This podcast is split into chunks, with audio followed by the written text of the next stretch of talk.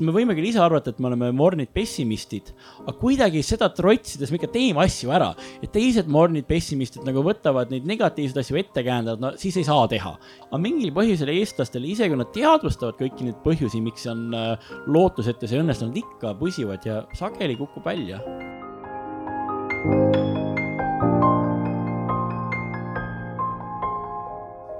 Tervitused Paidest, Arvamusfestivalid, minu nimi on Rainer Sterfeld ja te kuulate saatesarja Globaalsed eestlased, kus meie eesmärgiks on luua mälupilt silmapaistvatest Eesti inimesest üle maailma,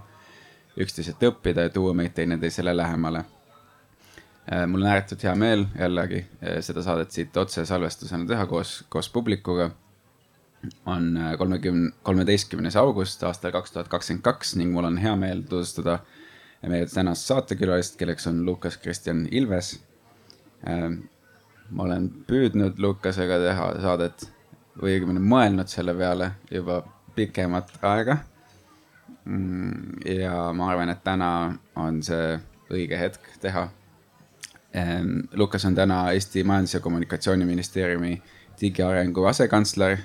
mitteametlikult nimetatakse seda riigi IT-juhi ametikohaks ehk inglise keeleks government CIO. ja ta on digipoliitika ning küberturbe ekspert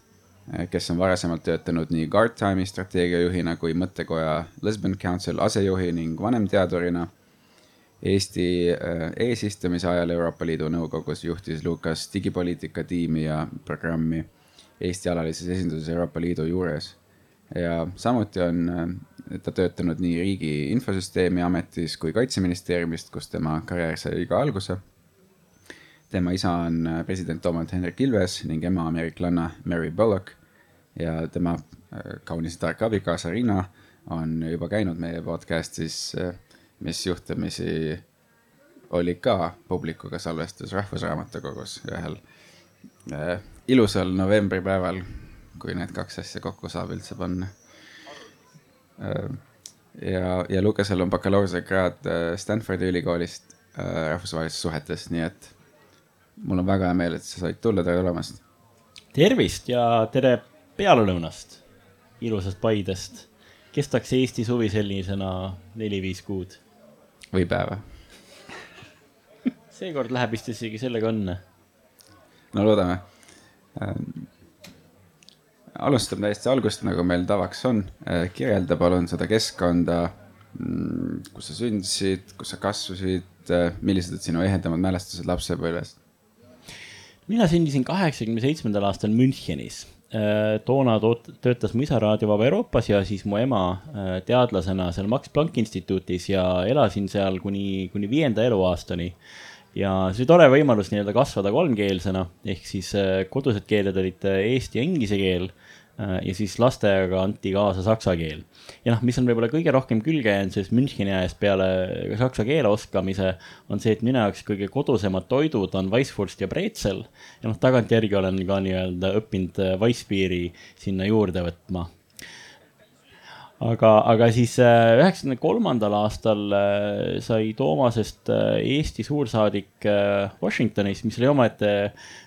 tore episood, kus inimene, kes äh, oli küll Eestis käinud korduvalt oma elu jooksul, aga ei olnud seal kunagi elanud, korraga peab seda riiki esindama ähm, selles riigis, kus ta on üles kasvanud ja siis me kolisime perega Ameerikasse ja, ja siis nii-öelda enamus mu lapsepõlvest ongi möödunud äh, pigem, pigem Washingtoni piirkonnas. ja, ja kirjelda seda mm, keskkonda, milles sa kasvasid, kes äh, või mis sind vormisid, mõjutasid, milline oli see atmosfäär?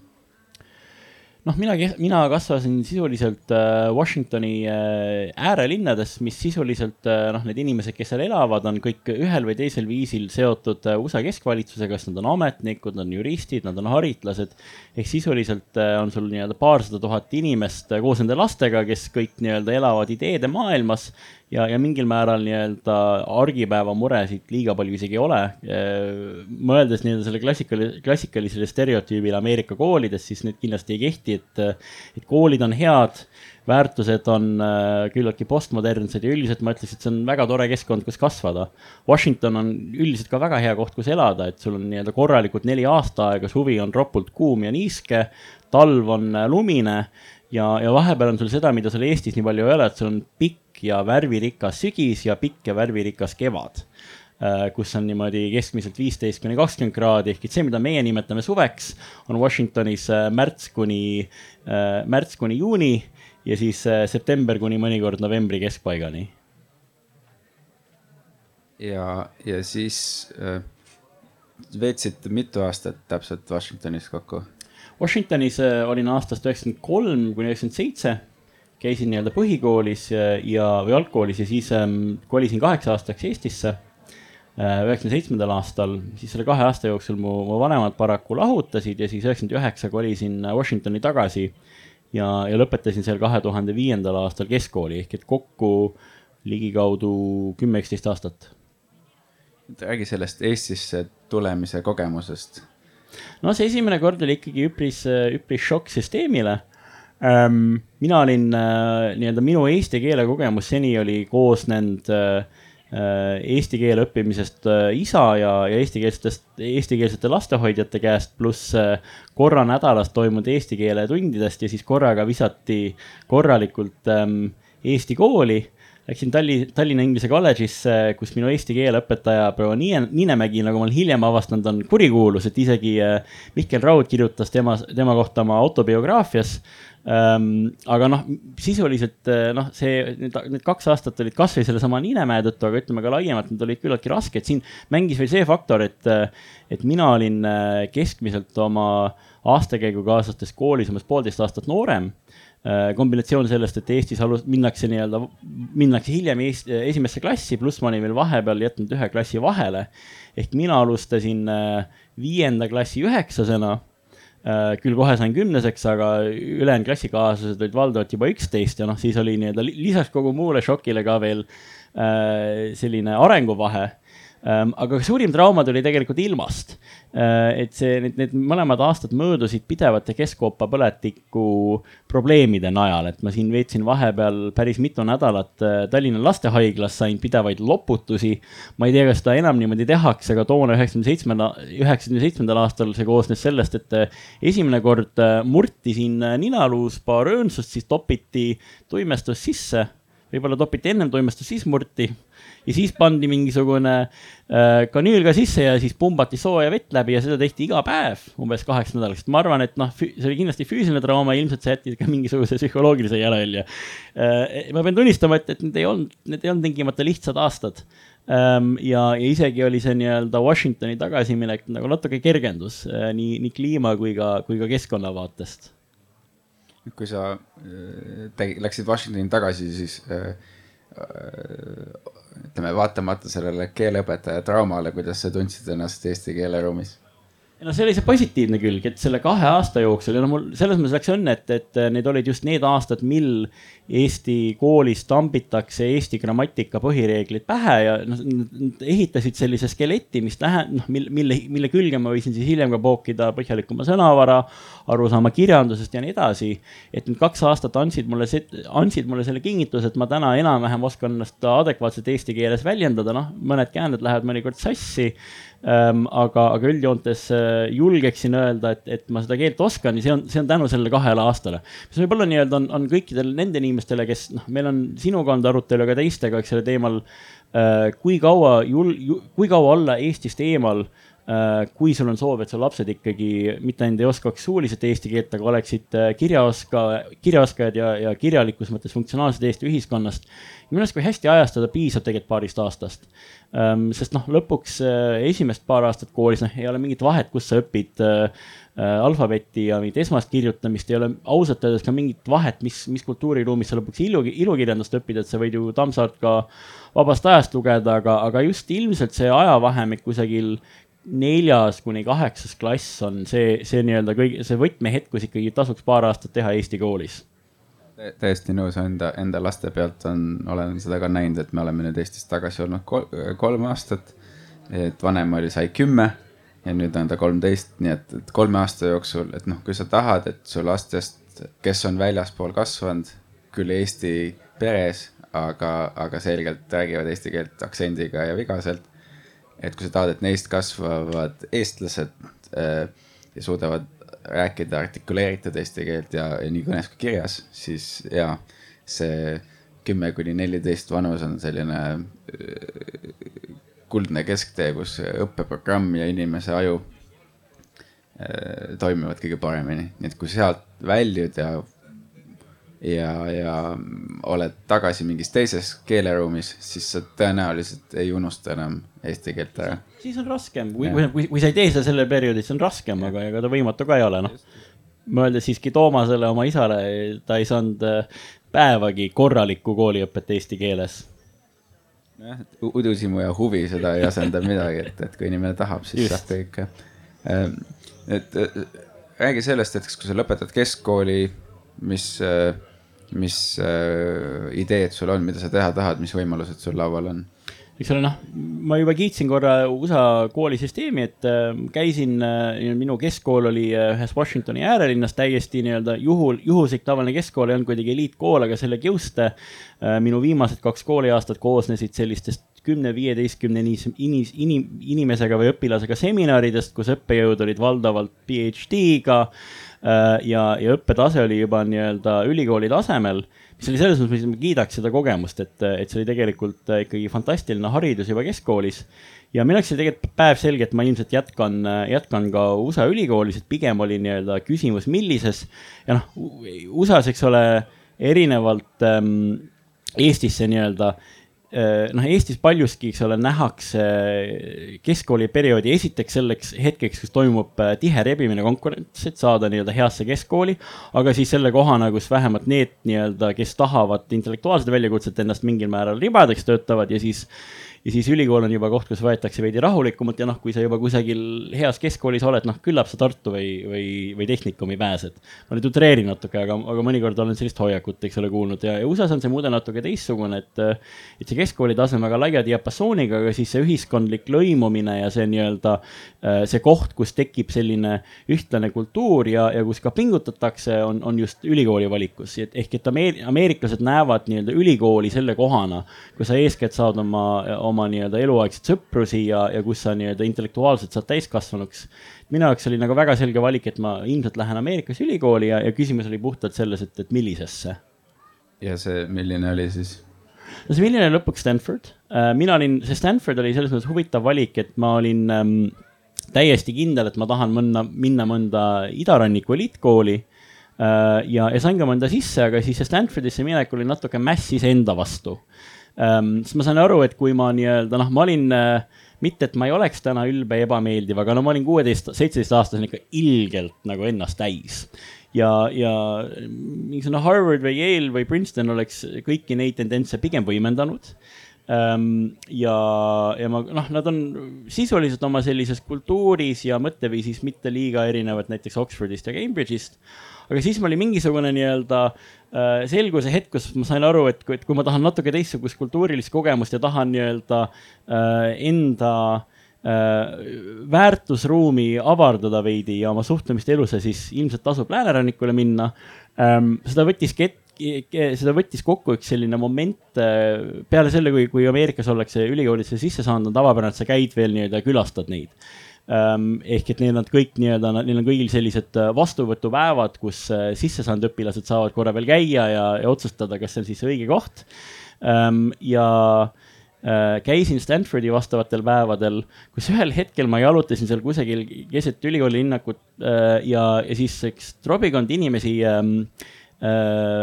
veepallidega nii-öelda loobitavate veepallidega lihtsalt jalutas mööda ja, ja loopisid teineteise vastu, aeg-ajalt loopisid ka teiste vastu ja siis küsisid nagu, mis siin toimub. lihtsalt me, me kõik elame äh, majas äh,, mille nii-öelda, me, me elame kõik nii-öelda mittevägivaldse sotsiaalse muutuse majas äh,. House for non-violent social change ja me siin praegu äh, harjutame natuke mittevägivaldset sotsiaalset muudatust. ja siis tundus nii kuidagi absurdne ja nagu lustakas samal ajal ja ühelt poolt väga kuidagi noh, sõnade mäng ja, ja ilmselt oli seal mingi keerulisem mõte taga, teiselt poolt lihtsalt selline elu nautimise, elu nautimise eufooria ja rõõm. see on see nii-öelda Silicon Valley, see positiivne külg, mida võib-olla natuke viimasel kümnel aastal see, see startup'i kultuur on isegi natuke tapnud. et see kuidagi tõmbas mind ligi ja siis äh, sinna sai mindud ja seal sa õppisid rahvusvahelisi suhteid? esialgu ma läksin mõttega õppida ka, kas või, või nii, nii filosoofiat kui füüsikat. ja noh, taustal oli see, et äh, ma korra nii-öelda teen väikse kõrvalepõike, et äh, et noh, kui me räägime, kui me jälle üldistan natuke Ameerika nii-öelda teismeliste ja, ja võib-olla varajaste kahekümne, kahekümnendates olevate inimeste hingeelust, siis on, ma arvan, suuremas ulatuses kui Euroopas on äh, mingil grupil tavaks, et nad otsivad selle aja jooksul mingisugust universaalset tõde ja univer, universaalseid ideid. no ma arvan, et see taust, eks ole, miks see on, noh, siin võib spekuleerida mingil määral, eks ole, Ameerika on alati olnud selline vähem ajaloos vähem kohalikus kogukonnas juurutatud äh, ühiskond ja riik, mis tähendab, et sa noh, otsid neid universaalseid ideid ja mõtteid võib-olla natuke asendusaine, asendusainena ja noh, ta on ka alati olnud nii-öelda ideedepõhine riik oma oma sünnist saati, kas see on nüüd see põhjus, aga igatahes ähm, nii-öelda on väga tavapärane, et selline seitseteist, kaheksateist aastane ameeriklane mõtleb, et noh, mis on siis see suur missioon ja mis on need universaalsed ideed, mis nii-öelda puudutavad maailma tervikuna, millega mina tahan oma, oma elu siduda, nii et minu jaoks selle nii-öelda teismelise ea jooksul sai oluliseks suure teega tõe leidmine. Äh, ja mu selline äh, äh, intellektuaalne, võib-olla ka emotsionaalne tung oli kuidagi suurt tõtt leida. Ja noh, muidugi kui sa mõtled selle suure tõe leidmise peale, siis äh, kaks distsipliini, mis sellele jäävad, on filosoofia ja füüsika, eks ole, üks on füüsilise maailma tõde ja teine on, on vaimse maailma tõde. Äh,. ja siis äh, füüsikaga läks äh, lihtsamini, et mingil hetkel ma sain aru, et ma ei ole vastavas matemaatikas nii hea, et, äh, et must kunagi saaks hea füüsik. Ähm, ja, filosoofia osas ma pidasin natuke kauemini vastu, aga, aga Stanfordis vähemalt oli see filosoofia haru, mida õpetati nii-öelda analüütiline filosoofia ähm,. ehk siis nii-öelda äh, mingil määral võiks öelda, et, et kahekümne, kahekümnenda sajandi vastand äh, keskaegsele skolastitsismile. ehk siis nii-öelda ta keskendub väga nii-öelda kitsastele raamitule filosoofia distsipliini enda probleemidele, pigem isegi mõttemängudele, mitte tingimata suure tõe leidmisele ja siis mingil hetkel äh, teise kursuse jooksul oli mul selline vaimne kriis, kus ma lihtsalt järeldasin, et, äh, et äh, ma ei taha nii-öelda oma järgmist kahte aastat või ka oma elu selle distsipliiniga siduda Ehm, ja, ja siis äh, nii-öelda paralleelselt sai minust natuke nii-öelda empiirik ehk et ma nii-öelda hakkasin siis mõtlema, et no mis, mis ma siis selle asemel teen. ja ma olen alati nii-öelda jooksvalt käinud erinevate sotsiaalteaduste nii-öelda, nii-öelda loe, sotsiaalteaduste loengutel võtnud aineid. ja, ja mingil hetkel ma arvan, ma jõudsin intellektuaalsele järeldusele, et, et ähm, mis nii-öelda või, või mõtlemine arenes, eks ole, et kui sa oleksid nii-öelda seitsmeteistaastase minu käest küsinud, milles peitub tõde, ma oleksin eeldanud, et tõde on mingil määral deduktiivne. Ja, ja minust sai induktivist selle kahe aasta jooksul, ehk et ma hakkasin mõtlema, et okei okay,, nii-öelda maailmanähtuste uurimine, statistiline arusaam sellest, kuidas maailm toimib ähm,, empiiriline arusaam sellest, kuidas inimesed toimetavad äh,. ka selles peitub väga palju tõde, ehk et ma, ma järeldasin võib-olla üldisemalt, et minust võiks saada sotsiaalteadur ja noh, see rahvusvahelised suhted, see oli pigem äh, juhuste kokkusattumus, et ma pigem võtsin ette nii-öelda hulk sotsiaalteadusainete õppekavasid, vaatasin, millist õppekava mul õnnestuks nii-öelda nominaalaja ajaga nüüd äh, lõpuni ära teha. rahvusvahelised suhted oli selline äh, sülem ajaloost, äh, politoloogiast ja majandusteadusest ja, ja kuna ma olin nii-öelda eelnevalt kõigi kolme valdkonna aineid lugenud, tundus, et okei okay,, sellega tuleb hästi kokku ja, ja sealt siis see rahvusvahelised suhted tuli ähm,. aga, aga võib-olla see nii-öelda, mul üks sisulisem point, aga see läks mul meelest, nii et küllap see mõte tuleb tagasi, aga ühesõnaga ähm, muutus oli see, jah, oli see, et minust sai empiirik ja, ja siis sealt see rahvusvahelised suhted kuidagi koorus välja sinu ülikooli õpikute, ütleme, lõpp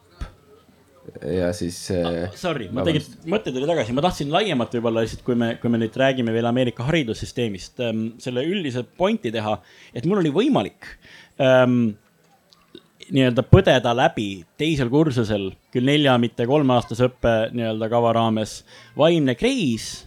äh, ja muuta, muuta oma õppekava mis on ju tegelikult enamustele eurooplastele üpriski võõras mõte. Äh, ja, ja siin on nii-öelda taustal on see nii-öelda USA paradigma on see, et, äh, et esimene, esimene aasta tavaliselt ja, ja mõneti ka teine aasta on see koht, kus sa nii-öelda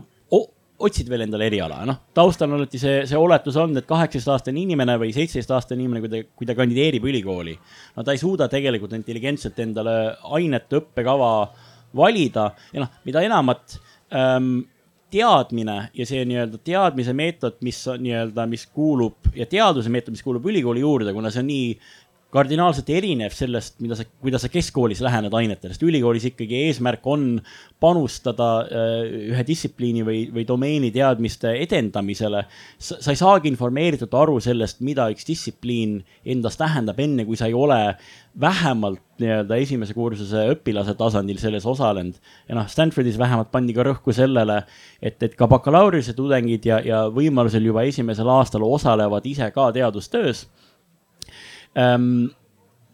see, see on nii-öelda, see, see annab selle võimaluse kätte, et sa tegelikult valid endale palju teadlikumalt erialasid, et mina olen meeletult tänulik selle üle, et mul üldse oli võimalik äh, sellist kriisi läbi põdeda ja, ja teadlikult ja ilmselt natuke selle filosoofia, nende filosoofiaõpingute tead-, teadmiste pagasiga seda otsust langetada. ja noh, kuna eriti esimesel kursusel sa kombineeridki erinevaid huvipakkuvate valdkondade aineid, siis, äh, siis mingil määral oli see nii-öelda töö piisavalt tehtud viisil, mis võimaldas mul siis ka eriala vahetada. sinu see Stanfordi õpingute äh, nagu periood äh, ja sellele järgnev periood oli nagu väga huvitav selles mõttes, et äh, kuni selle hetkeni, kui sa lõpetasid, sa olid Eestis elanud äh, kaks aastat, nagu sa mainisid äh,. ja siis sellele järgnev periood, sa oled väga palju olnud seotud Eestiga. Äh, kas Eestis elanud või siis isegi noh, ütleme, kui sa Euroopasse tulid, ütleme Brüsselis elasid, siis sa ikkagi äh, olid Eestiga seotud, et, et see ja sellesse perioodi jäi kõik see üleminek, kus oli kaitsevägi, äh, su isast sai Eesti president, et, et kuidas see muudatuste virvarr sind ennast mõjutas? Noh, need muudatused olid teadlikud ja ma üle räägingi, räägingi korra sellest, kuidas, kuidas see otsus sündis. Äh, olles juba valinud või olles juba oma eriala vahetanud, äh, tuli vaja, tuli valida lõputöö teemat ja noh, lõputöö tähendas mitte lihtsalt kolmekümne leheküljelist esseed, aga nii-öelda uurimistööd pooleteise aastast ja ähm, mu isa oli mulle andnud ühte nõu mõnda aega varem ähm,. ta oli öelnud, et ja ta oli, ta oli selgitanud, et tead, kui, kui mina olin sinuvanune, siis mul oli mingi taak küljes, et, et kui oli vaja mingit teemat valida,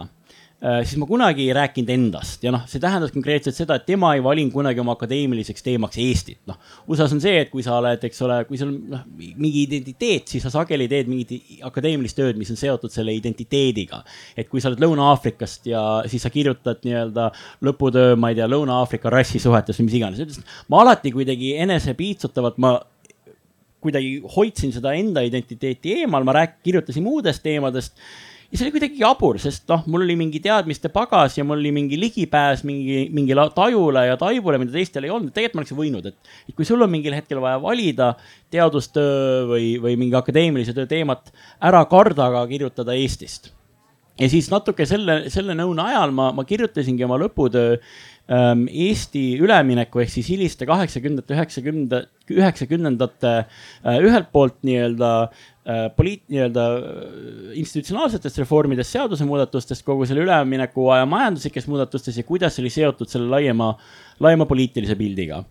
ähm, ja, ja ütleme, et see, see on sisuliselt äh, suvel kaks tuhat kaheksa ma tulin, eks ole, paariks kuuks Eestisse. seal oli hulk intervjuusid äh, toonaste aastate tegijatega, väga palju lihtsalt arhiivides istumist, kasvõi vanade ajakirjade lugemist. Ja, ja see nii-öelda pilt, mis mulle tekkis sellest perioodist, oli kuidagi hästi, hästi motiveeriv, hästi inspireeriv. selline hetk ajaloos, kus, ähm, kus vastu nii-öelda ajaloo tavapäraseid reeglipärasusi ja tendentse Äh, üks rahvas nii-öelda kuidagi ületas iseennast ja, ja mitte ainult, eks ole,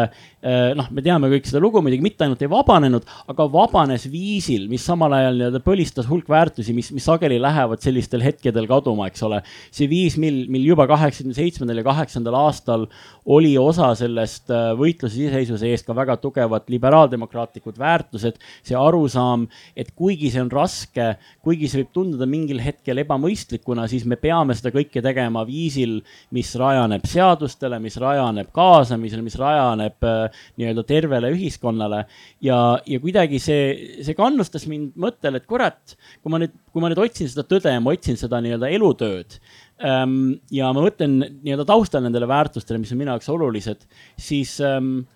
sellesse võiks ju ka panustada. ja see oli selline noh selline võib-olla vaimne veendumus, et kuidagi äh, teki-, noh, mul tekkis kuidagi, mina tahan ka midagi anda, et, et seda nii-öelda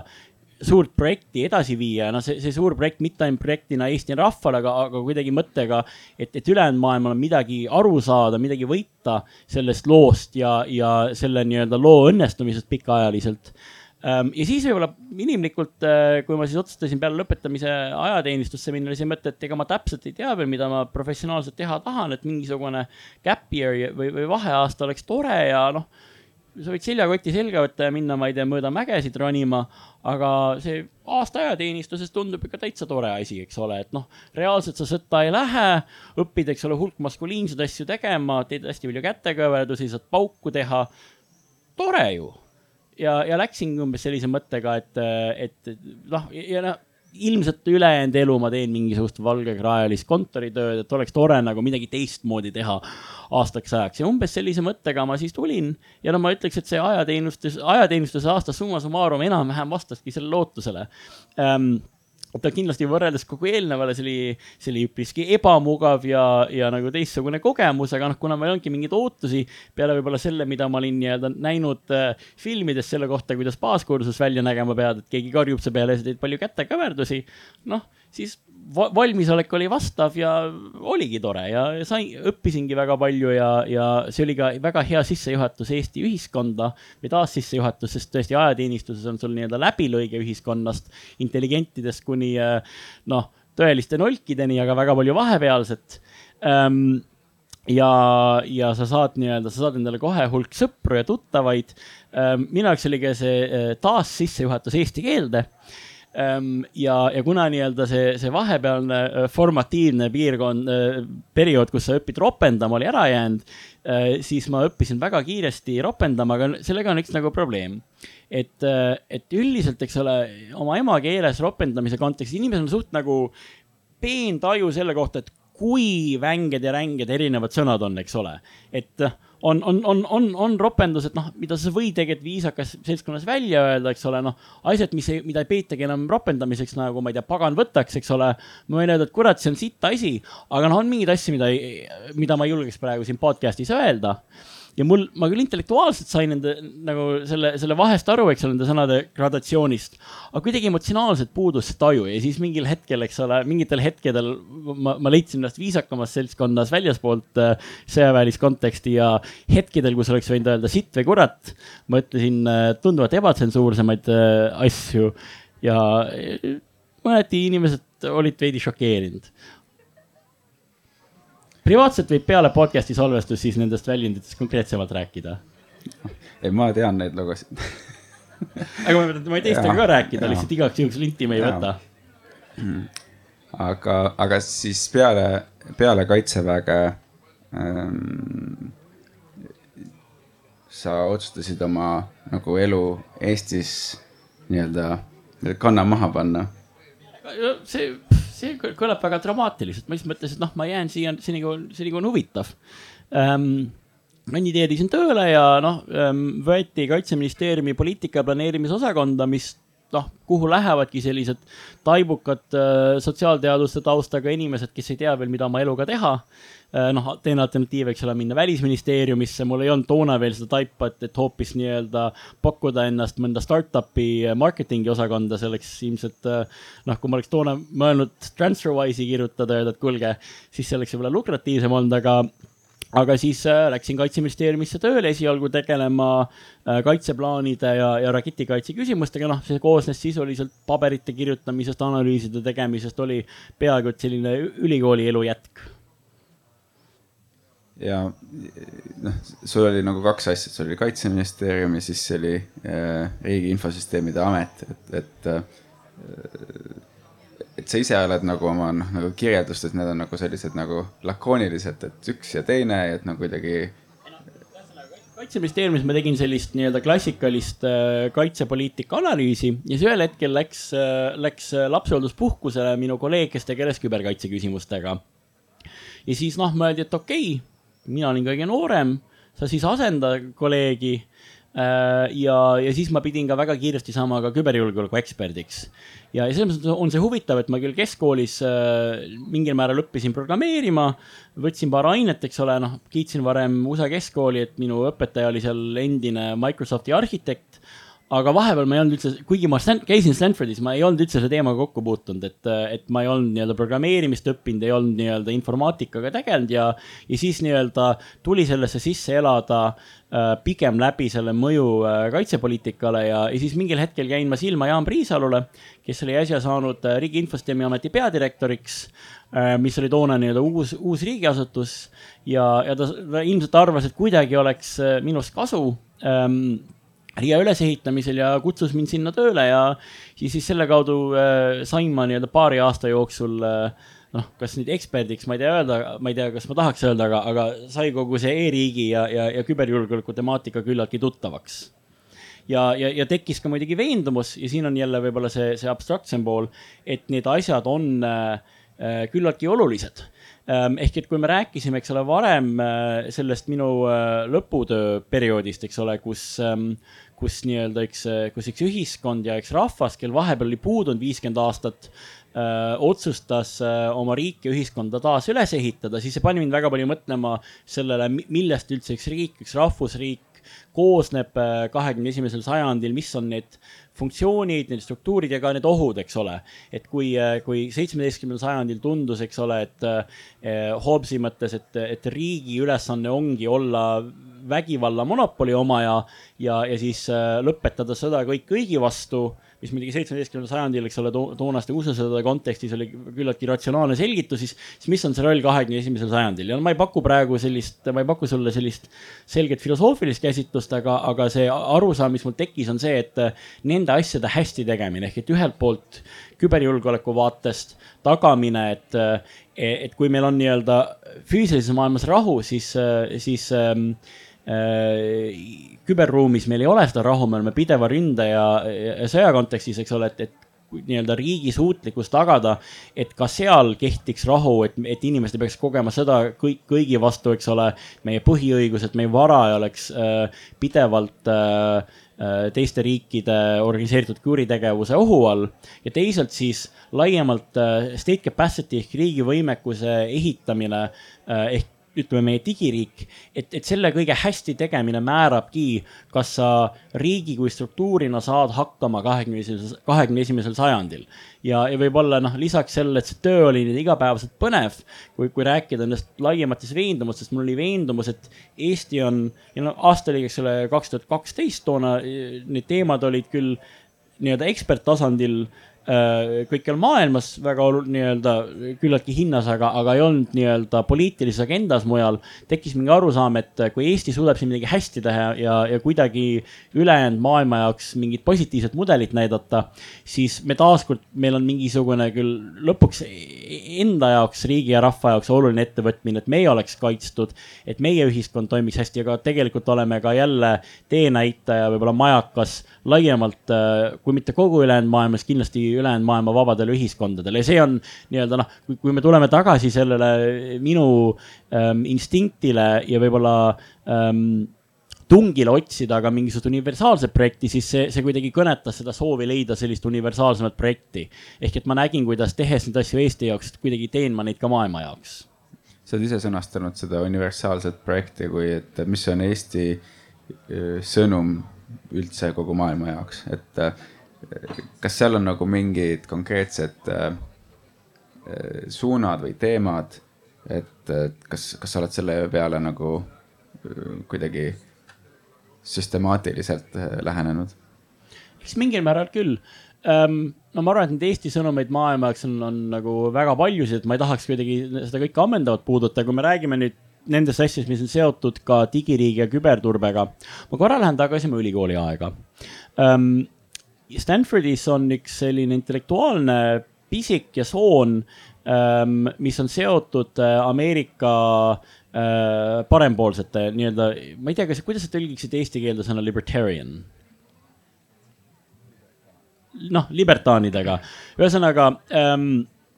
umbes kakskümmend viis, kolmkümmend aastat tagasi ähm, Äh, sai ühest äh, õpilaslehest äh, nimega Stanford Review üks nii-öelda, üks nendest kohtadest, kus libertaanide liikumine kaheksakümnendatel tekkis ja, ja sai poliitilisi hagusid alla Reagani ajal. Ähm, ja mina olin ka seitsmeteistaastasena selline noor libertaan, no see tundus, eks ole, ägedana, et see on noh, olla kahekümne sajandi lõpus, kahekümne esimese sajandi algul libertaan, no see on peaaegu nagu olla kommunist ühe, äh, kahekümnenda sajandi algul, et see on see nii-öelda äh, üks, üks, üks neid viise, kuidas kaheksateistaastasena olla süsteemivastane ja, ja kahelda selles, kas see, mida, mida meie vanemad ja vanavanemad on, on ehitanud, äh, ka päriselt on õige ja võib-olla pakkuda mingit isegi revolutsioonilist alternatiivi. Ja siis noor, noh, libertaan mõtlebki, et, et riigid on pigem iganenud protsessid, et, et vaba, vaba tahtega inimesed, turg saab kõike paika panna, et kõiki neid nii-öelda kahekümnenda sajandi jooksul ehitatud rahvusriikide struktuure tuleb pigem lõhkuda. Ähm, ja, ja paljuski on, eh, noh, ma arvan, et ma sain sellest juba võib-olla oma ülikooli aja jooksul üle, aga paljuski on olnud muuhulgas eh, see, mida ma olen ehitanud, mille kallal ma olen töötanud viimast kümme aastat, vastus sellele nii-öelda libertaanlikule väljakutsele Ehm, ehk et ma ütleks, et äh, nii-öelda mida, mida Eesti riik oma hakkamasaamisega tõestab. ta tõestab, et, äh, et need head küljed liberaaldemokraatlikust rahvusriigist, mida, mida mõeldi välja Euroopas ja ka Ameerikas kahekümnenda sajandi jooksul et need on ka teostatavad kahekümne esimesel sajandil. ja ma arvan, et viimaste aastate poliitsündmused on äh, rõhutanud, kui oluline on seda, seda sõnumit edasi saata ja seda sõnumit usutavalt edasi anda. sest kui, kui, kui võis veel tunduda kümme, kakskümmend aastat tagasi, et äh, liberaaldemokraatia võidukäik on paratamatus, et need ideed on võitnud vastu kommunismi ja fašismi ja see on lihtsalt aja küsimus, kuni kõikidest äh, maailma riikidest saavad toredat liberaaldemokraatiat, siis see täna kindlasti ei tundu paratamatusena. ja ma arvan, et me oleme nii-öelda aru saanud, et neid, neid tumedamaid alternatiive, kuidas ühiskonnad võivad oma elu korraldada kuidas ka poliitika võib isegi küll formaalselt demokraatlikult, aga mitte väga liberaalselt toimida ka, ka Euroopas ja Ameerikas, me oleme neid kõike näinud. ja, ja minu jaoks see, see fakt, et me suudame ennast äh, ka nendes tehnoloogilistes ja, ja mõttemaailma muudatustes, et me suudame mitte ainult sama hästi kui kahekümnendal sajandil neid, neid mõtteid teostada, isegi paremini see on üks väga oluline sõnum. ehk et noh, meil on, kui me, kui me lähme Ameerikasse, Saksamaale äh,, Suur, Suurbritanniasse ja nii edasi, väga palju on sellist väsimust äh, oma ühiskonnamudeli osas ja, ja, ja, ja kaheldakse selles kas see, kas see mudel saab jätkata, kas need institutsioonid saavad jätkata. Ja üks nendest väljundites ongi tehnoloogiaga mitte hakkama saamine. ehk äh, kui me vaatame, kui sklerootiliselt Ameerika ei ole suutnud oma äh, avaliku halduse toimimist digiteerida, siis väga paljud inimesed, sealhulgas needsamad libertaanid ongi järeldanud, vaadake, see ongi selle tõttu, et äh, liberaaldemokraatlik riik ei saa sellega hakkama, et meil on mingisugust muud mudelit vaja. Ähm,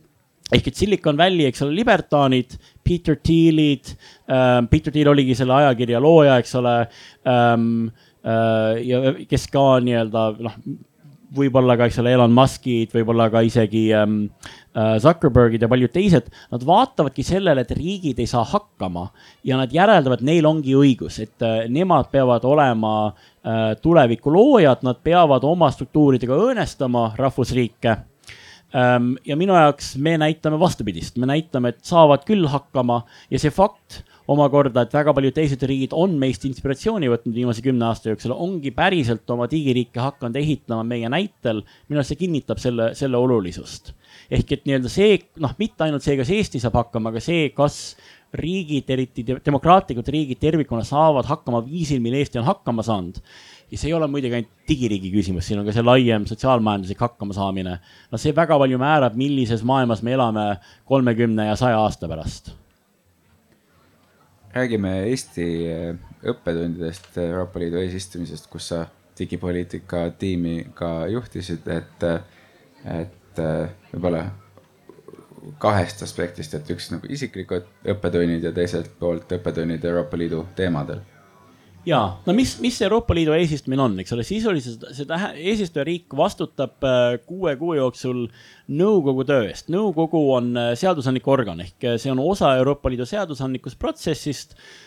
teine pool, eks ole, on Euroopa Parlament. nõukogu vahe parlamendiga on see, et kui parlamendis istuvad valitud saadikud, siis nõukogus ongi riikide esindajad ja riigid lepivad siis nii-öelda eelnõu äh, kavandites kokku ja siis lõpuks saab sellest nii-öelda koostöös parlamendiga seadus. Ja siis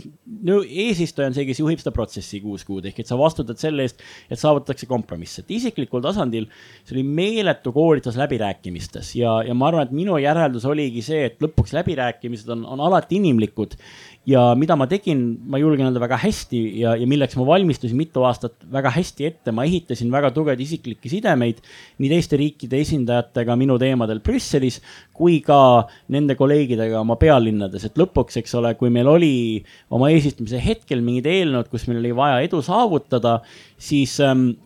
isegi kui olid väga nii-öelda raskesti ületatavad sisulised erimeelsused, ma sain apelleerida isiklikul emotsionaalsel tasandil sellele, et kõik need osapooled, kes olid sellega seotud, nad vähemalt tahtsid, et see protsess õnnestuks kasvõi selle tõttu, et nad ei tahtnud mind õnnetuks, mind õnnetuks teha. et neil oli mingisugune isiklik emotsionaalne võlg minu ees, et kuidagi olla konstruktiivsed ja see ei tähenda, et nad muutsid oma seisukohta, aga see tähendas, et ma võisin neid, eks ole, jälle ja jälle laua taha kutsuda, ma võisin enda nädalavahetusi rikkuda mingisuguste läbirääkimiste valimistega ja ma võisin jõuda mingite tulemusteni ähm, kuhu muidu oleks, ei oleks jõudnud. Ja noh, muuhulgas mul õnnestus ühes eelnõus ähm, murda olukorda, kus nii Prantsus, kus Prantsusmaa ja Saksamaa olid kokku leppinud, et eelnõu ei lähe läbi ja üldiselt Euroopa Liidu kontekstis, kui Prantsusmaa ja Saksamaa milleski kokku leppinud, palju õnne kõikidele teistele, aga mul õnnestus see teha äh,, mis oli küllaltki kihvt ja haruldane ähm, äh, saavutus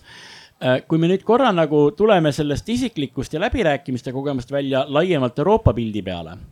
üks järeldus, mis mul on, aga see ei olnud mul tollel hetkel, aga nüüd vaadates äh, mitu aastat järjest, eks ole, mis on saanud nendest asjadest, mille kallal ma töötasin. must on saanud isegi natuke rohkem euroskeptik, kui ma varem olin. ma igaks juhuks ütlen, et must ei ole saanud tervikuna euroskeptik, äh, aga, aga ma olin ikkagi korralik äh, euroföderalist ja, ja eurooptimist. ja mida ma olen näinud, eriti nii-öelda digivaldkonna regulatsioonides, on see, kui raske on Euroopal praegu hästi kahekümne seitsme riigi kompromissina välja mõelda ähm, päriselt hästi toimivaid äh, selle valdkonna regulatsioone, noh ja mis on selle taga, on see, et see valdkond on väga kiiresti muutuv ja sageli ka need nii-öelda need mentaalsed kontseptid ja need kastid, seaduslikud kastid, millega sa üldse neid regulatsioone kokku paned. sul on vaja leiutada mingit uut, uut lähenemist regulatsioonile ja kui see viis, mille Euroopa on oma majandusregulatsiooni teinud viiskümmend aastat, see ei toimi enam tingimata, kui sul on vaja Facebooki ja Google'it reguleerida. aga häda on selles, ähm, et Euroopa riigid ei julge teha neid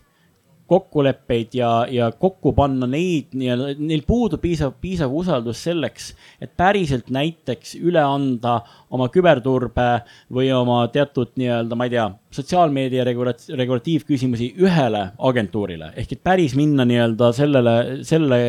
nii-öelda tasemele, kus on USA, kus on üks regulaator, kes otsustab neid asju kogu,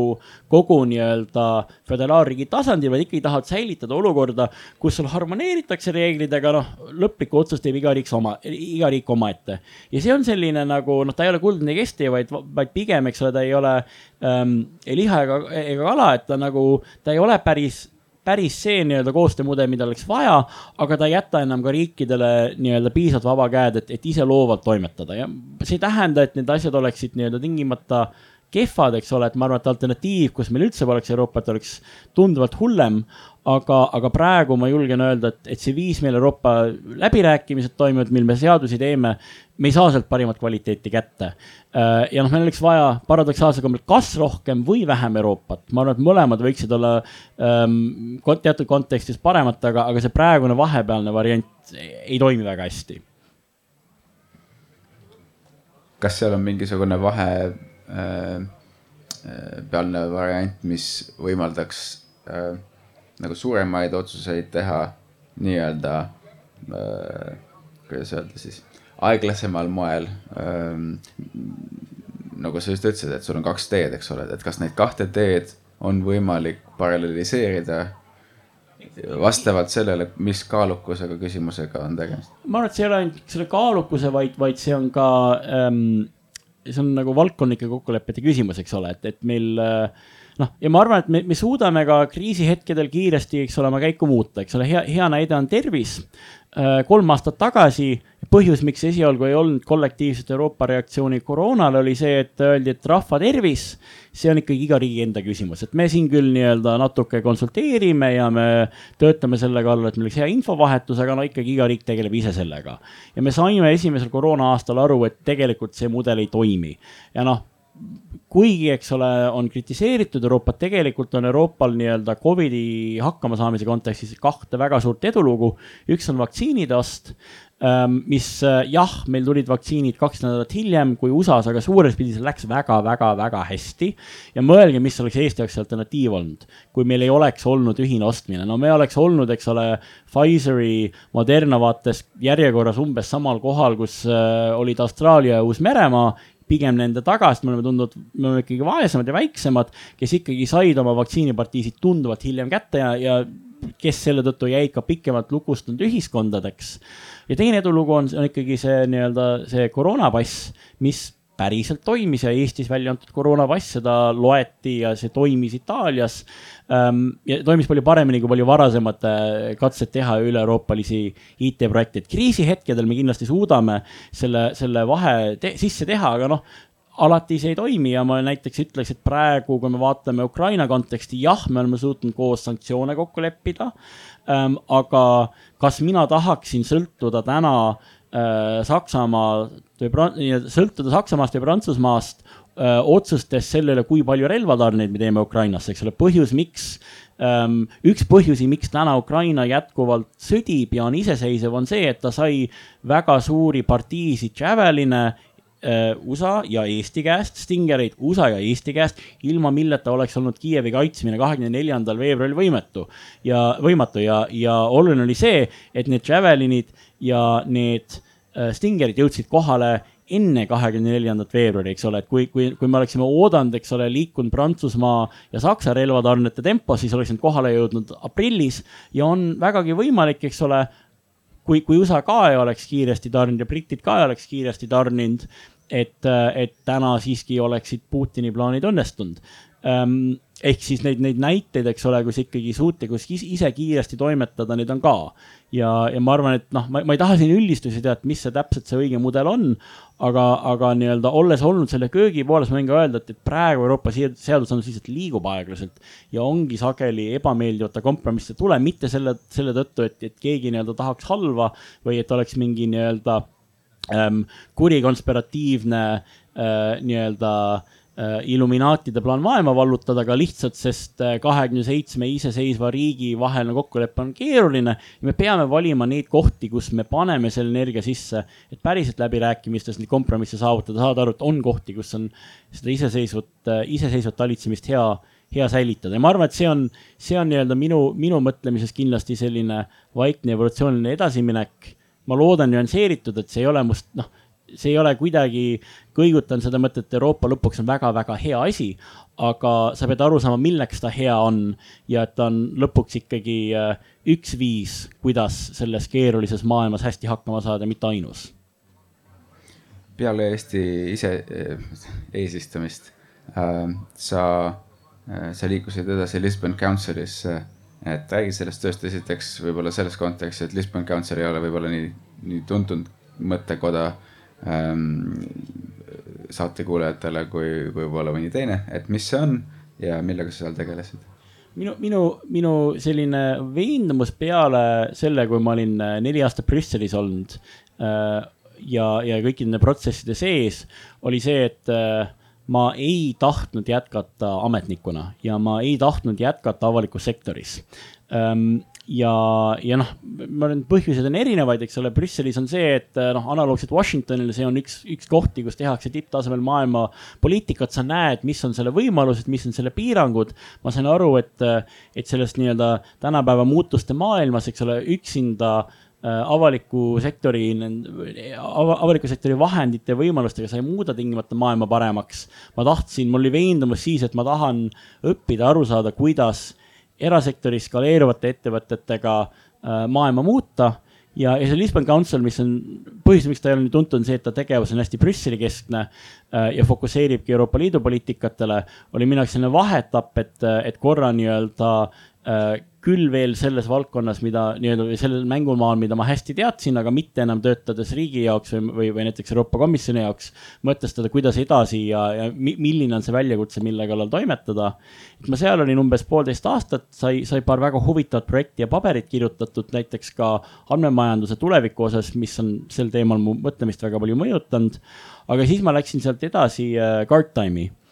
mis on üks Eesti plokiahela ettevõte noh, seal oligi see mõte, et, et nüüd, nüüd ma nüüd nii-öelda õpingi, kuidas see startup'i ja skaleeruva tehnoloogia ettevõtte maailm toimib ja jätkamegi võib-olla selle Guardtime'iga. aga palun jätka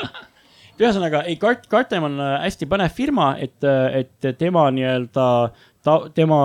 tegevuse taust on selline tehnoloogiline baasinnovatsioon krüptograafias Äh, mis omakorda võimaldab teha krüptogra-, ma kasutan seda keerulist väljundit praegu, krüptograafilisi süsteeme ja tõestussüsteeme, nagu näiteks on plokiahel. see on võib-olla oluline selle tõttu, et Guardtime alustas oma tegevuse enne, kui plokiahel üldse oli sõna ja, ja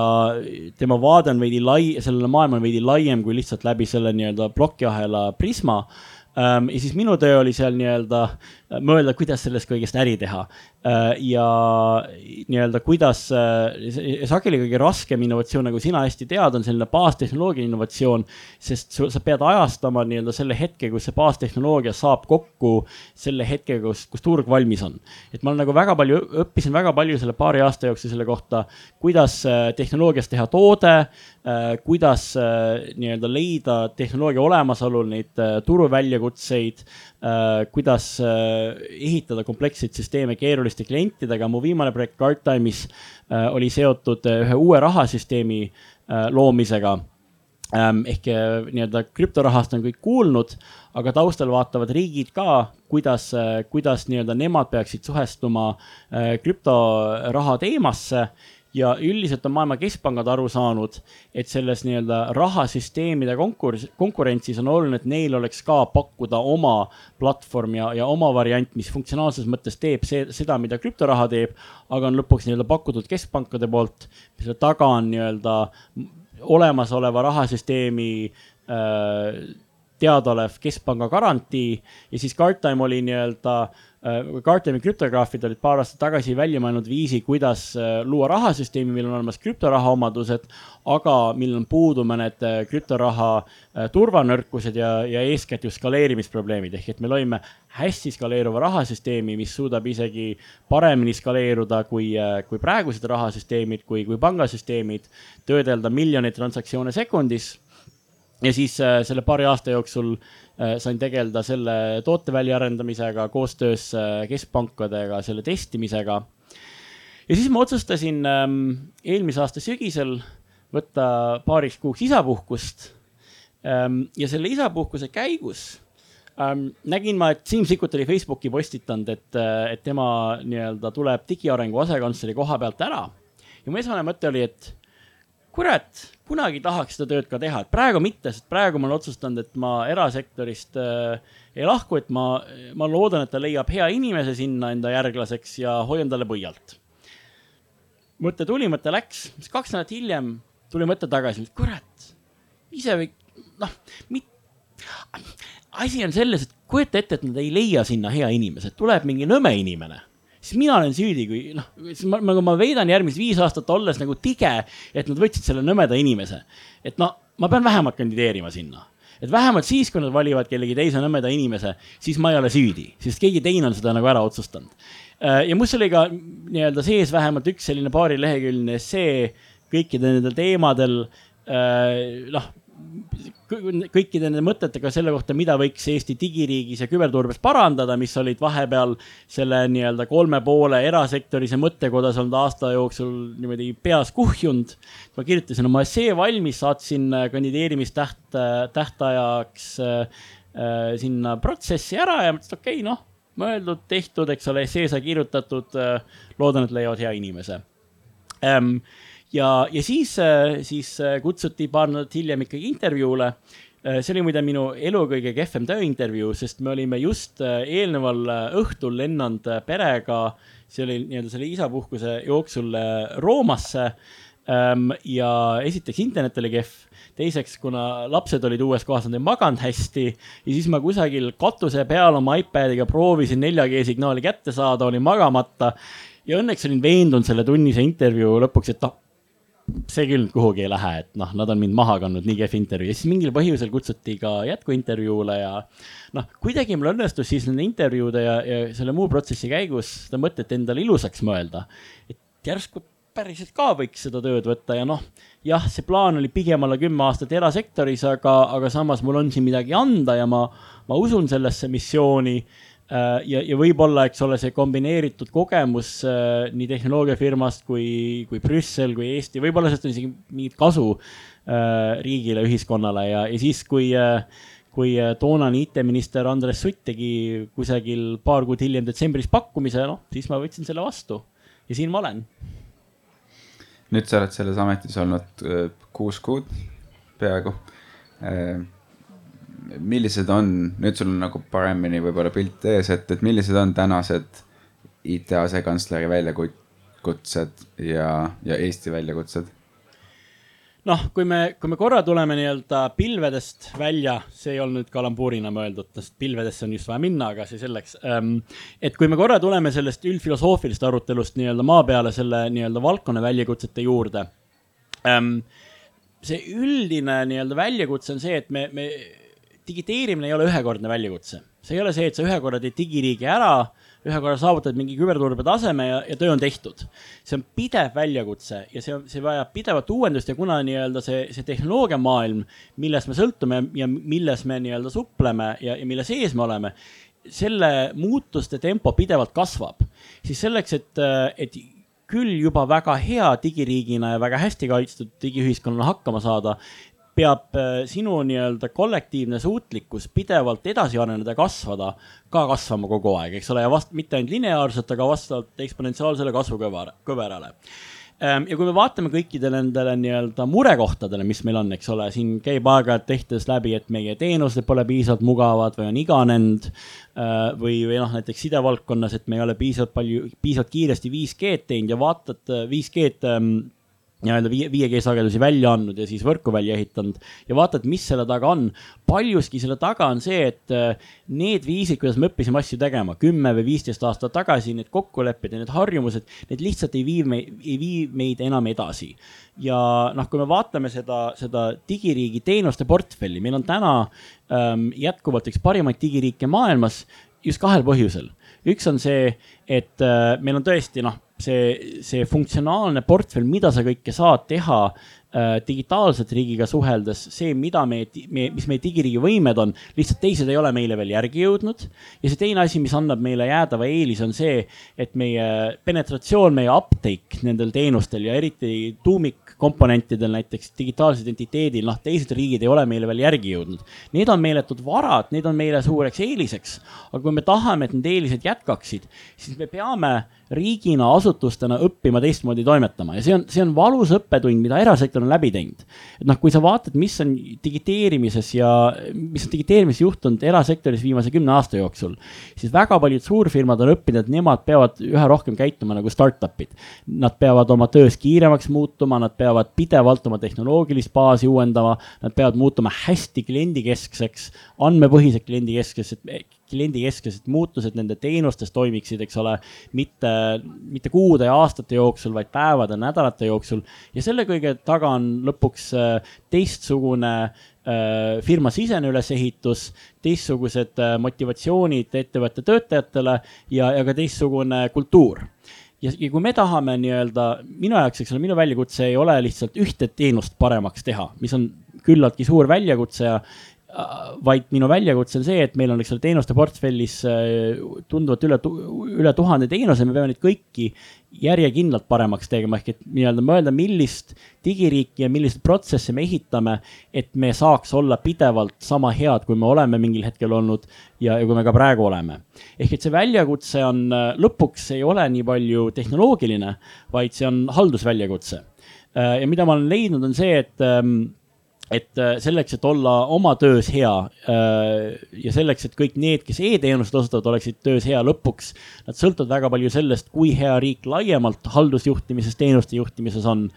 ehk siis see väljakutse on see, et kuidas me, kuidas me muutume tervikuna Eesti halduskultuuri ja, ja riigiaparaadi toimimist. ja mingil määral on see tagasiminek, äh, me peame tagasi minema sellele vaistule, mis meil üheksakümnendatel oli. sest üheksakümnendatel näg-, oligi Eesti riik startup. Äh, asjad toimisid kiiresti, otsustati kiiresti, võeti julgeid otsuseid, aga me peame seda, aga toona tehti seda uisapäisa, eks ole, ei tehtud teadlikult, me ei mõelnud nii-öelda, et oi, me oleme siin agiilne, liin, väike riik ja on olemas mingid parimad praktikad praktikud, praktikat, kuidas olla liin ja agiilne ja me nüüd teadlikult rakendame neid, vaid lihtsalt tehti olude sunni, sest noh, teistmoodi ei olnud võimalik. Nüüd, eks ole, on meil vahepeal kuhjunud väga palju sa võid öelda, et rasva, aga tegelikult väga palju asju on peale tulnud, ongi tulnud peale õigusriigi praktikat, on tulnud peale kaasamine, on tulnud peale ootus, et riik on järjekindel oma otsustes, mis on kõik väga hea. aga nüüd me peame teadlikult õppima, kuidas me, me sellest nii, me seda head säilitame, aga kuidas me natuke pöörame tagasi sellesse ajastusse, kus me suudame ka kiiresti otsustada, kus me suudame julgeid otsuseid vastu võtta ja seda konkreetselt nendes nii-öelda digiasjades e, e-teenuste juhtimises, kuidas me ennast küberrünnete eest turvame, aga ka laiemalt äh, riigi halduskorralduses. Ja noh, kui me nüüd tuleme tagasi sellele filosoofilisemale väljakutsele ehk siis, äh, mis on Eesti riigi sõnum, siis ma arvan, et äh, ma, ma loodan, et meie sõnum ei ole puhtalt see, et me oleme startup'ide riik, sest see sõnum kindlasti on, eks ole, meil on hästi palju unicorn'e, Eesti on väga hea koht, kus teha startup, vaid et meie riigi enda toimimismudel jätkab ka sellise nii-öelda startup või scale-up'ina ehk et me suudame ka avalikus sektoris kõiki neid õppetunde selle kohta, kuidas üldse organisatsiooni juhtida, kuidas eesmärki saavutada, juurutada päriselt üle riigi oma toimimises, mille väljund on ju lõpuks meie kõigi jaoks parem elu, paremad teenused, ähm, see, et me saaksime nii-öelda mõnusalt äh, siin Paides istuda ja ei peaks, eks ole, äh, muretsema igapäevamurede pärast liiga palju. see ülesanne on leida õiged äh, vastused ütleme nii, et kui me, kui me, kui sa hakkasid rääkima startup idest, siis no üks asi on nagu, mis eristab häid ettevõtjaid eh, mitte nii headest, on see, et, et nad, neid nagu ei huvita see, kellel on õigus, kellel ei ole õigus äh,. Nad teavad, et nende ülesanne on leida see võti, mis, mis töötab turul. see on umbes nagu võtmemuuki, et sa ju ei, ei kurvasta iga kord, kui teed mingi kombinatsiooni, võti ei tule lahti, sa proovid nii kaua, kuni tuleb lahti ja see on umbes sarnane ülesanne ka meie puhul, et me peame leidma lahendused, mis töötavad ja nagu sa ennem ütlesid, et see digitaliseerimise ei lõpe ära, see ongi järjepidev tegevus, mis tähendab seda, et sa pead looma süsteemi, mis võimaldaks inimestel kogu aeg proovida, mis töötab ja mis ei, äh, mis ei tööta. ja, ja ma arvan, et see on nagu väga hea analoog, mis sa tõid ennem, et, et me peame sinna tagasi minema, aga me peame seda teadlikult. ja siis sa saad seda monitoorida ja juhtida ja otsustada, mida me laseme käiku, mida me ei lase käiku ma ütleksin, eks ole, et noh, minu praeguse ameti, ameti puhul, eks ole, mul ei ole võib-olla ühte nii-öelda startup'i või ettevõtet, pigem, eks ole, on ju, on portfell um,. on, meil on, eks ole, kümme, kümme, üksteist ministeeriumit ehk kümme, üksteist valitsemisala, neil kõigil on oma teenused. mina ei, juhi neist ühtegi, eks ole, vaid, vaid kõigi puhul, eks ole, aitan kaasa, korraldan rahastust, korraldan äh, seadusandlust, lepime kokku üldiseid reegleid ja eesmärke. ja selle portfelli sees on juba väga palju häid näiteid, eks ole. Äh, olgu see meie maksuamet, kes äh, täna uhkustab sellele, et nad on kõige efektiivsem maksukoguja maailmas ja kellel ongi väga tugev kliendikeskne vaade, ehk et nemad, nende eesmärk on see, et ma nüüd äh, eksin täpses sõnastuses, aga põhimõtteliselt nad tahavad teha maksukuuleka käitumise nii mugavaks ja,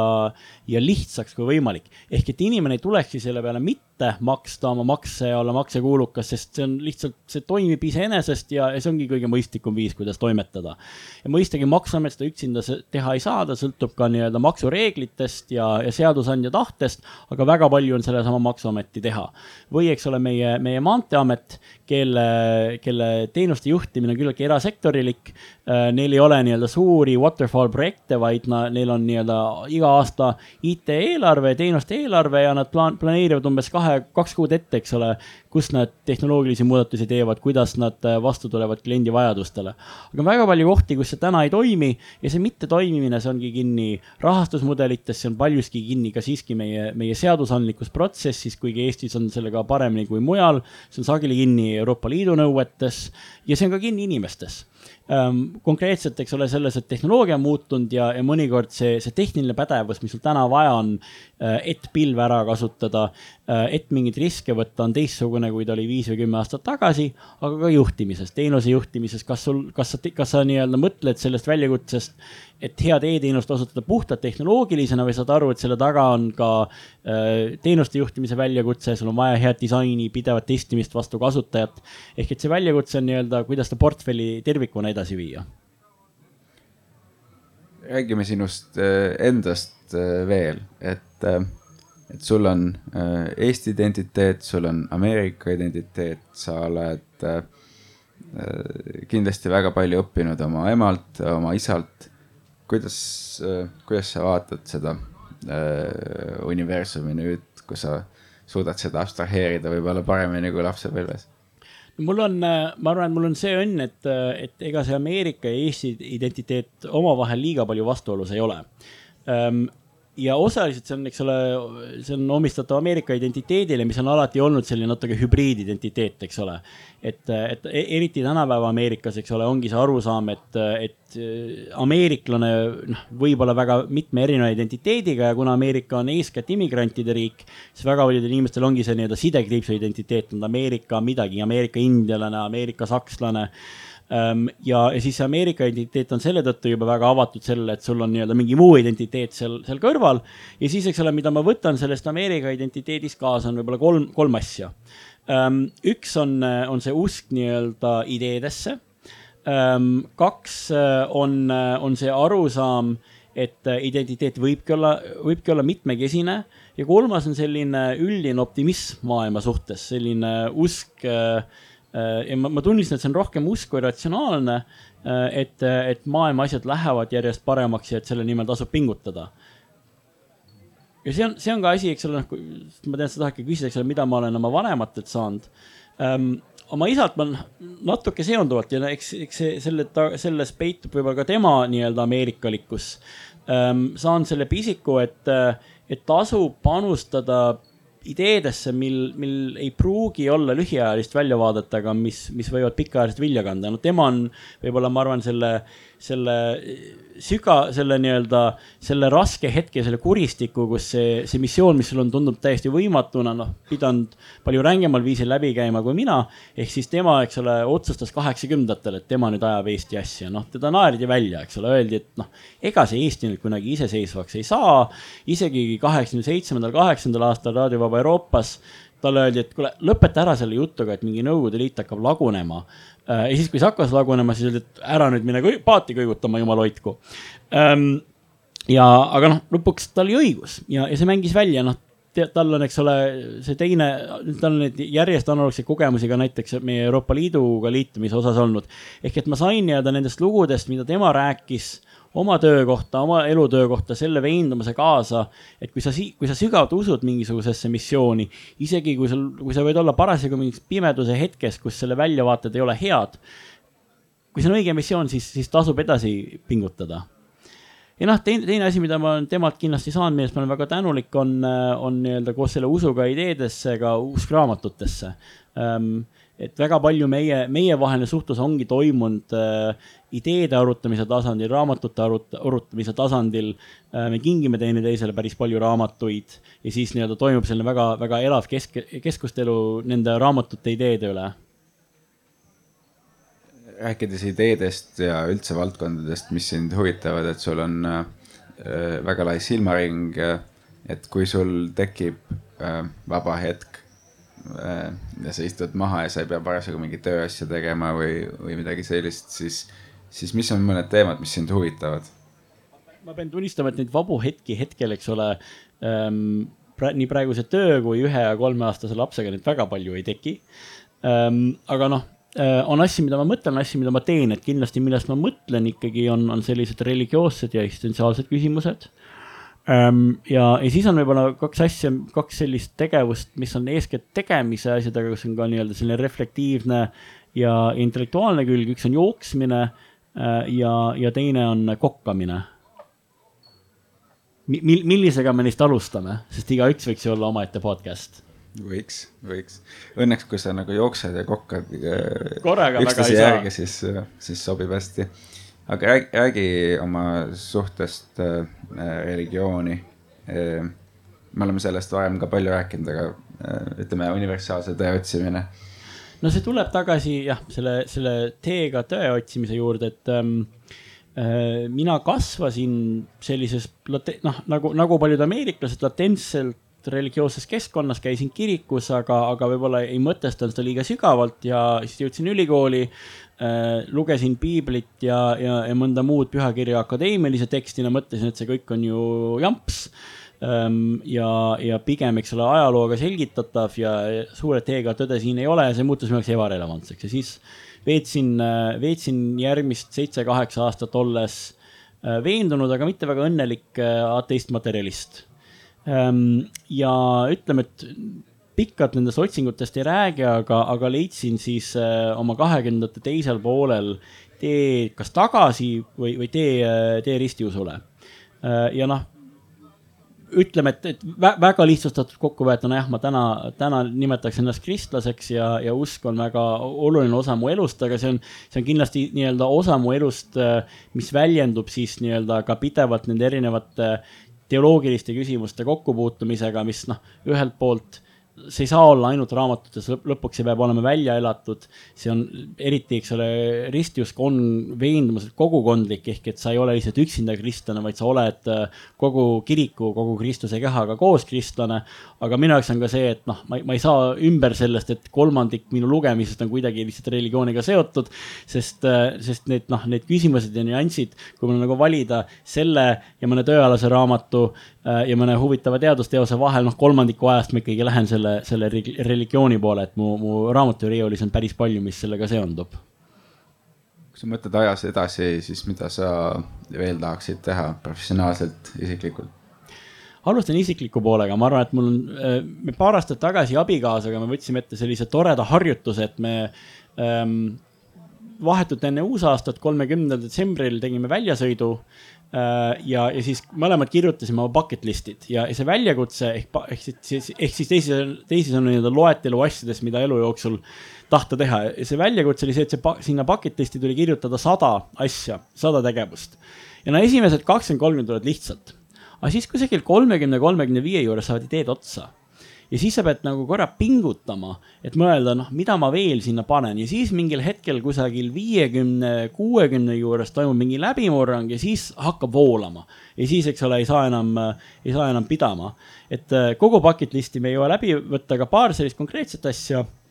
ähm, üks on see, et ma tahaks maratoni joosta. ma olen aastaid jooksnud poolmaratone. Aga, aga lihtsalt kuidagi ei ole, ei ole see, ei ole ennast kokku võtnud, et seda maratoni ära joosta ja nüüd äh, panin ennast kevadel Tallinna maratonile kirja, nii et äh, ma loodan, et, äh, et see saab tänavu täidetud. ma just täna hommikul jooksin umbes kolmkümmend kilomeetrit ja, ja tulin isegi naerdes sellest välja, nii et võib-olla on see nelikümmend kaks ka tehtav ähm,. ja siis veel, veel listi peal näiteks skydiving. Aga siis võib-olla noh, tulles professionaalsetele asjadele tagasi Äh, siis ega see nii-öelda tehnoloogiaettevõtte loomise, ehitamise pisik ei ole kuhugi läinud. Äh, praegu olles tagasi avalikus sektoris, et kindlasti järgmise ringi peal ikkagi äh, mingisuguse suure asja tegemine läbi läbi nende nii-öelda äriliste ja mõtteliste raamide, mis on, mis on nii-öelda startup firmale omane, on, on kindlasti kaartides jätkuvalt. Me oleme küll palju Eestist juba rääkinud, aga meil on see standard plokk küsimusi, mida me kõikide saatekülaliste käest küsime ja, ja ähm, saatekuulajate käest või tähendab siinse, siinse audientsi käest juba mõelge küsimusi ette, mida Lukase käest tahate küsida, kui me siin lõpetame. Äh, kui keegi küsib, milline on Eesti, siis kuidas sa vastad, kuidas sa kirjeldad Eestit? ma valin ühe vastuse, ma ei ütle, et see on ainus, aga ähm, see on aborigeenide või pärismaalaste riik, mis on päriselt hakkama saanud. Ja, ja mida ma nagu selle all pean silmas, on see, et, et noh, maailma ajalugu on täis neid traagilisi lugusid, kuidas oli mingi tore rahvas või oli mingi tore kultuur ja, ja see on nüüd ära hääbunud ja, ja paljuski see on seotud nii-öelda just suurusega, imperialismi ja, ja ajaloo ähm, ajaloo veergudega, aga, aga eestlased äh,, me, me ei peakski olemas olema, eks ole, et nii, nii nii väike mitte Indo-Euroopa rahvusriik ei peaks eksisteerima aga ent me oleme ja me saame täitsa hästi hakkama. et, et kindlasti üks, üks, üks tahk sellest, milline see on, on, on riik, mis võib-olla ei peaks eksisteerima, aga sellega just äh, eksisteerib ja eksisteerib mõnusalt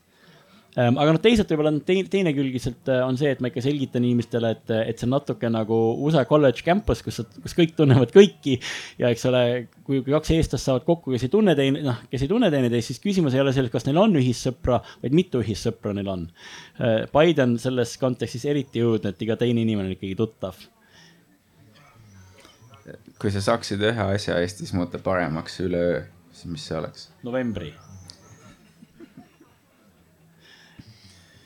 ma võin, ma vastan ka tõsisemalt, eks, et noh, ma arvan, et äh, päikese trajektoori me vist ei muuda ähm,. ja, ja ma ei, ja ei tahakski võib-olla päris neid ge ge geotektoonilisi muudatusi äh, näha, et see oleks päriski äh, ebameeldiv noh, november on paratamatus ja vist läheb isegi kliima soojenemisega natuke hullemaks. mis ei ole paratamatus, on, on mõnikord need sellised veidi trotsid ja pessimistlikud hoiakud, mis ilmselt selle novembriga kaasnevad ja, ja ma tahaks rohkem näha sellist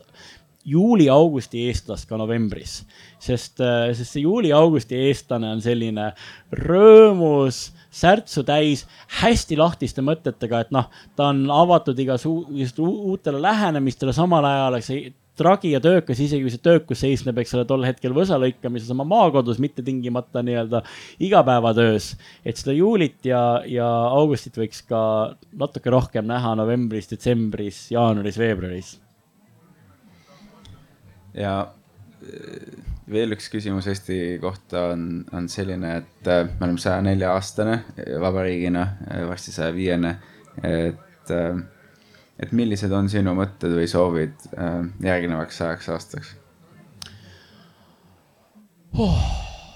nüüd eks, eks, eks nagu lõpuks on nagu ikka nüüd, nüüd kui sul on lapsed, sa mõtled sellele, et, et lastelastel oleks ka nagu tore elada. aga võib-olla ähm, ma käiks ühe konkreetse mõttekäigu siin välja, et, et kogu selle nii-öelda õudse Nõukogude igandi juures äh, oli üks ma ei ütle, et positiivne külg, aga üks huvitav tahk, et me, et, et rahvana olid ja mina nagu, mina ei saa seda nii-öelda öelda inimesele, kes selles osales, sest mina nii-öelda toona ei olnud Eestis ja tulin natuke väljapoolt, aga, aga kui ma vaatan, eks ole, sinu vanuste inimeste lugusid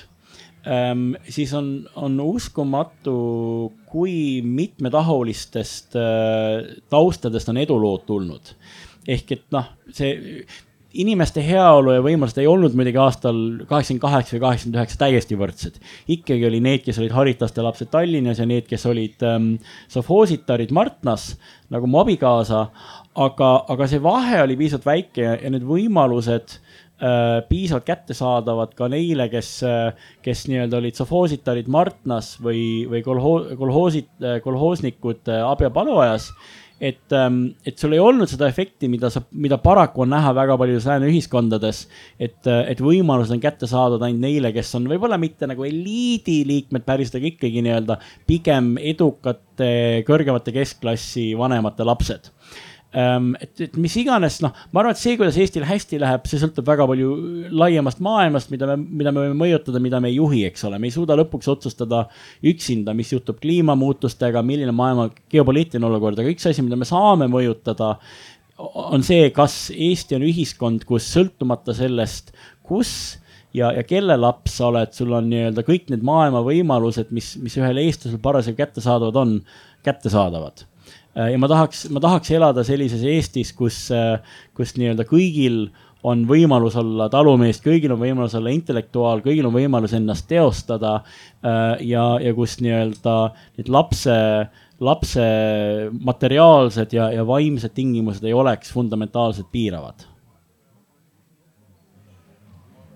ma, ma ei ole kindel, et me täna sel trajektooril oleme. aga töötame andmed aitavad sellega, digiriik natuke saab ka aidata, eks ole. Eh, minu poolt viimane küsimus. sulle on see, et, et millised on mõned raamatud, mis on sinu mõtlemist mõjutanud ja mida sa soovitaksid teistel lugeda? mul on, mul on selline tore omadus, et aeg-ajalt, kui ma ähm,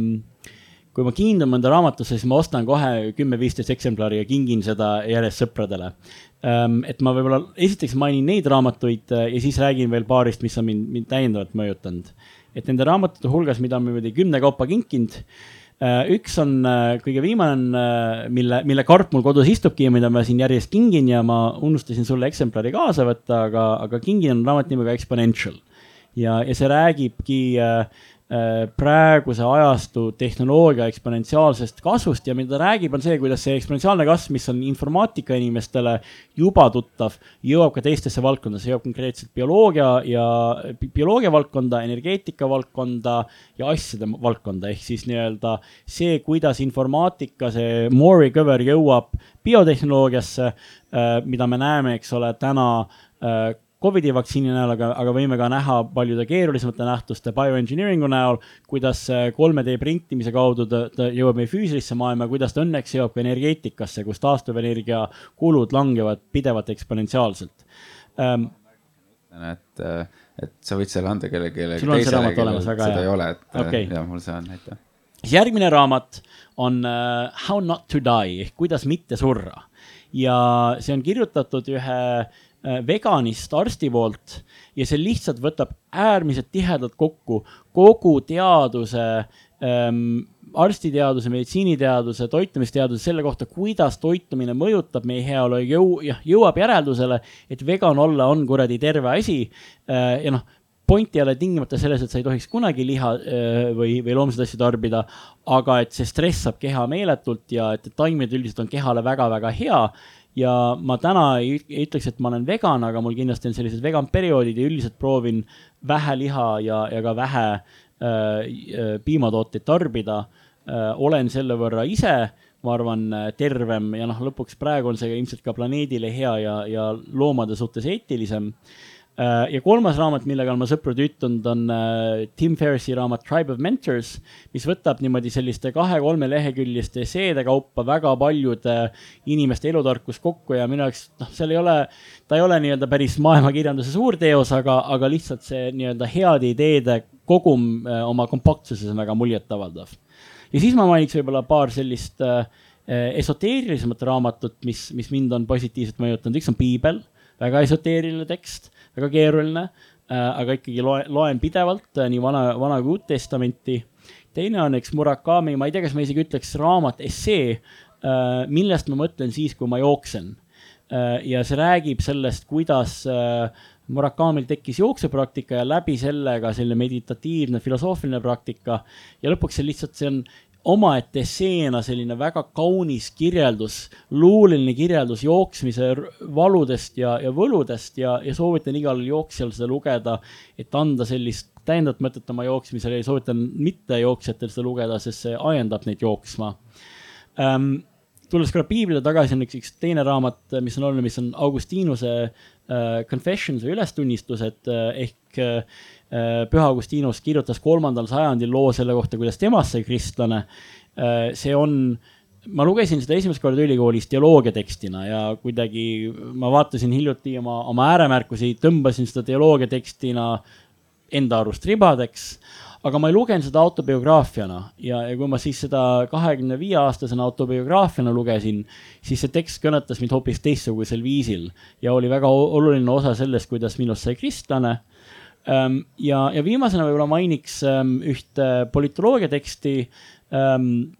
Putnami Making Democracy Work, mis on väga kihvt uuring selle kohta, mis eristab Põhja- ja, ja, ja Lõuna-Itaalia ähm, Eh, noh, mis neid eristab ja miks meil on, miks Põhja-Itaalia on täna üks jõukamaid piirkondi maailmas väga hästi toimivate institutsioonidega, miks Lõuna-Itaalia on eh, noh, pigem mitte nii hästi toimiv. ja mis on hästi kihvt, on see, kuidas Putnam kombineerib seal äh, nii kvantitatiivseid uuringuid, statistikaid kui ka selliseid süvaintervjuusid. ja ma lugesin seda siis, kui ma olin selles vaimses kriisis, kus ma olen otsustamas filosoofia ja sotsiaalteaduste vahel. ja see kannustas mind mõtlema, et, et, et sotsiaalteadustega võibki teadust luua, et, et sellega võib targemaks saada ja, ja oli minu jaoks selline kuldstandard selle kohta, kuidas näeb välja huvitav ja potentsiaalselt maailma muutev sotsiaalteadus sellega on minu küsimused läbi äh,, aga ma hea meelega annaks mikrofoni äh, publiku kätte. et millised küsimused teil Lukasel oleks? tere, tere sa mainisid juba korraks neid pikaajalise mõjuga tegevusi, mis võib-olla jõuavad äh, tulemuseni alles pikem, pikema perioodi jooksul. ja üheksakümnendatel olid mõned sellised liigutused, mis tehti äh, mille noh, üks on äh, kasvõi tiigrihüpe, eks ole, aga siis ka näiteks Linnar Viik väga palju promos seda, et kõik inimesed internetti ja kõigile emaili ja nii edasi ja nii edasi. ja noh, tema sõnum ka sellel hetkel oli see, et me ei tea, mis sellest saab, me ei tea täpselt, kuidas seda kasutama hakatakse. aga sellel on selline katalüütiline mõju ja see oleks nagu mõistlik ja sinna panustati päris palju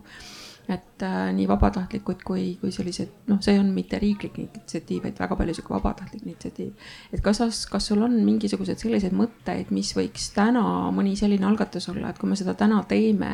siis, siis sellel oleks väga suur mõju, et kas see on a la, ma ei tea, tõstame õpetajate palga kahekordseks lihtsalt just like that tänasest päevast või, või on see, et anname kõikidele eestlastele viiekümne aastaselt ühe sabatikili aasta, pensioniaasta, kus nad saavad teha mida iganes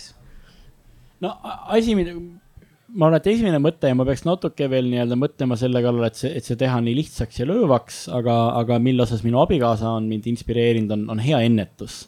äh, ja, ja Riina, mitte sinul, aga Riina Raudsel on see nii-öelda ütlus selle kohta, et hea ennetus on nähtamatu ehk et keegi ei saa, ei saagi aru, et seda on toimunud, sest halvad asjad jäävad ära. ta on tänamatu ja ta on uskumatu, sest mingil hetkel need äh, kuhjuvad mõjud on nii suured, et mingi probleem ongi ära läinud ja meil on neid positiivseid näiteid heast enne, ennetusest juba olemas rahva tervises äh,, eriti nii-öelda selles, mis on seotud täna laste kasvukeskkonnaga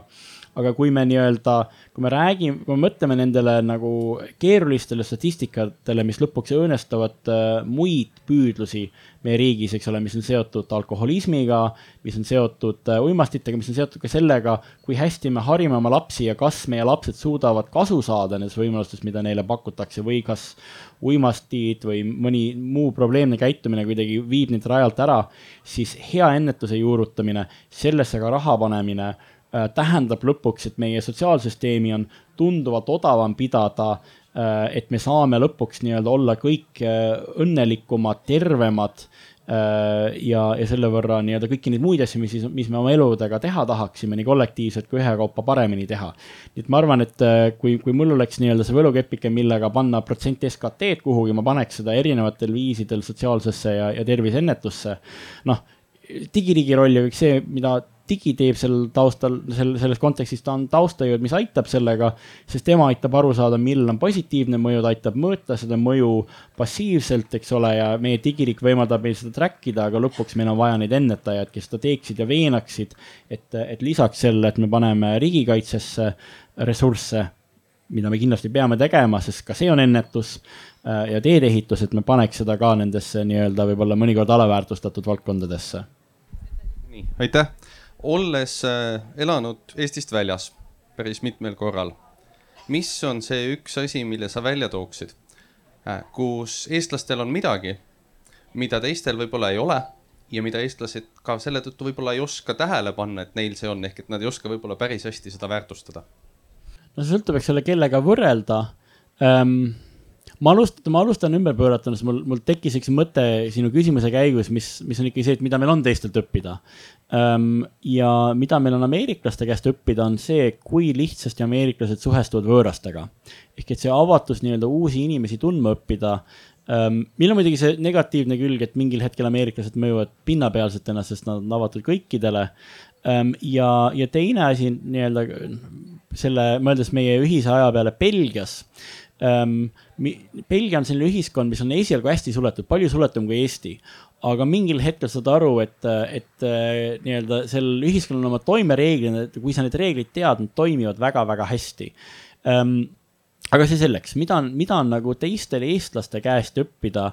ähm,? ma ütleks, et kamba ärategemise vaim et, et selles mõttes, et kui me mõtleme kõik nende samade ühiskondlike muudatuste peale, olgu see tiigrihüpe, olgu see meie enda riigi tegemine, ähm, siis äh, sa saad kümme eestlast, meie kümme, vähem, eks ole, kolm-neli eestlast saunas kokku ja, ja siis ähm, isegi kui esialgu öeldakse, et see on mõttetu ja nõme visioon, missioon ikka tehakse ära, seda on näha meie ettevõtetes, seda on näha ägedates algatustes poliitikas, kolmandas sektoris ja nii edasi. kui mina võrdlen oma eestlaste kohorti oma Stanfordi kohordiga ja noh, Stanfordi kohort peaks justkui olema kõige ettevõtlikum maailmas, ma ütlen, et tervikuna need eestlased, keda ma tunnen, eks ole, ja ajateenistus on, on suht nagu hea läbilõige ühiskonnas, on ettevõtjalikumad kui, kui need Stanfordi lõpetajad, et ma, ma julgen öelda, et me oleme üks ettevõtjalikumaid rahvaid maailmas. Äh, see pisik on, ei ole kuhugi ära läinud ja ma arvan, et väga paljudel teistel on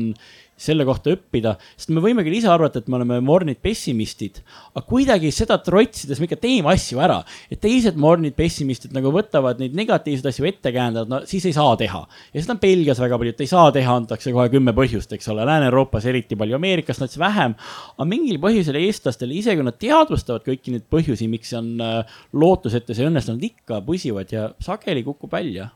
aga sellega on meie tänane aeg äh, ka läbi ähm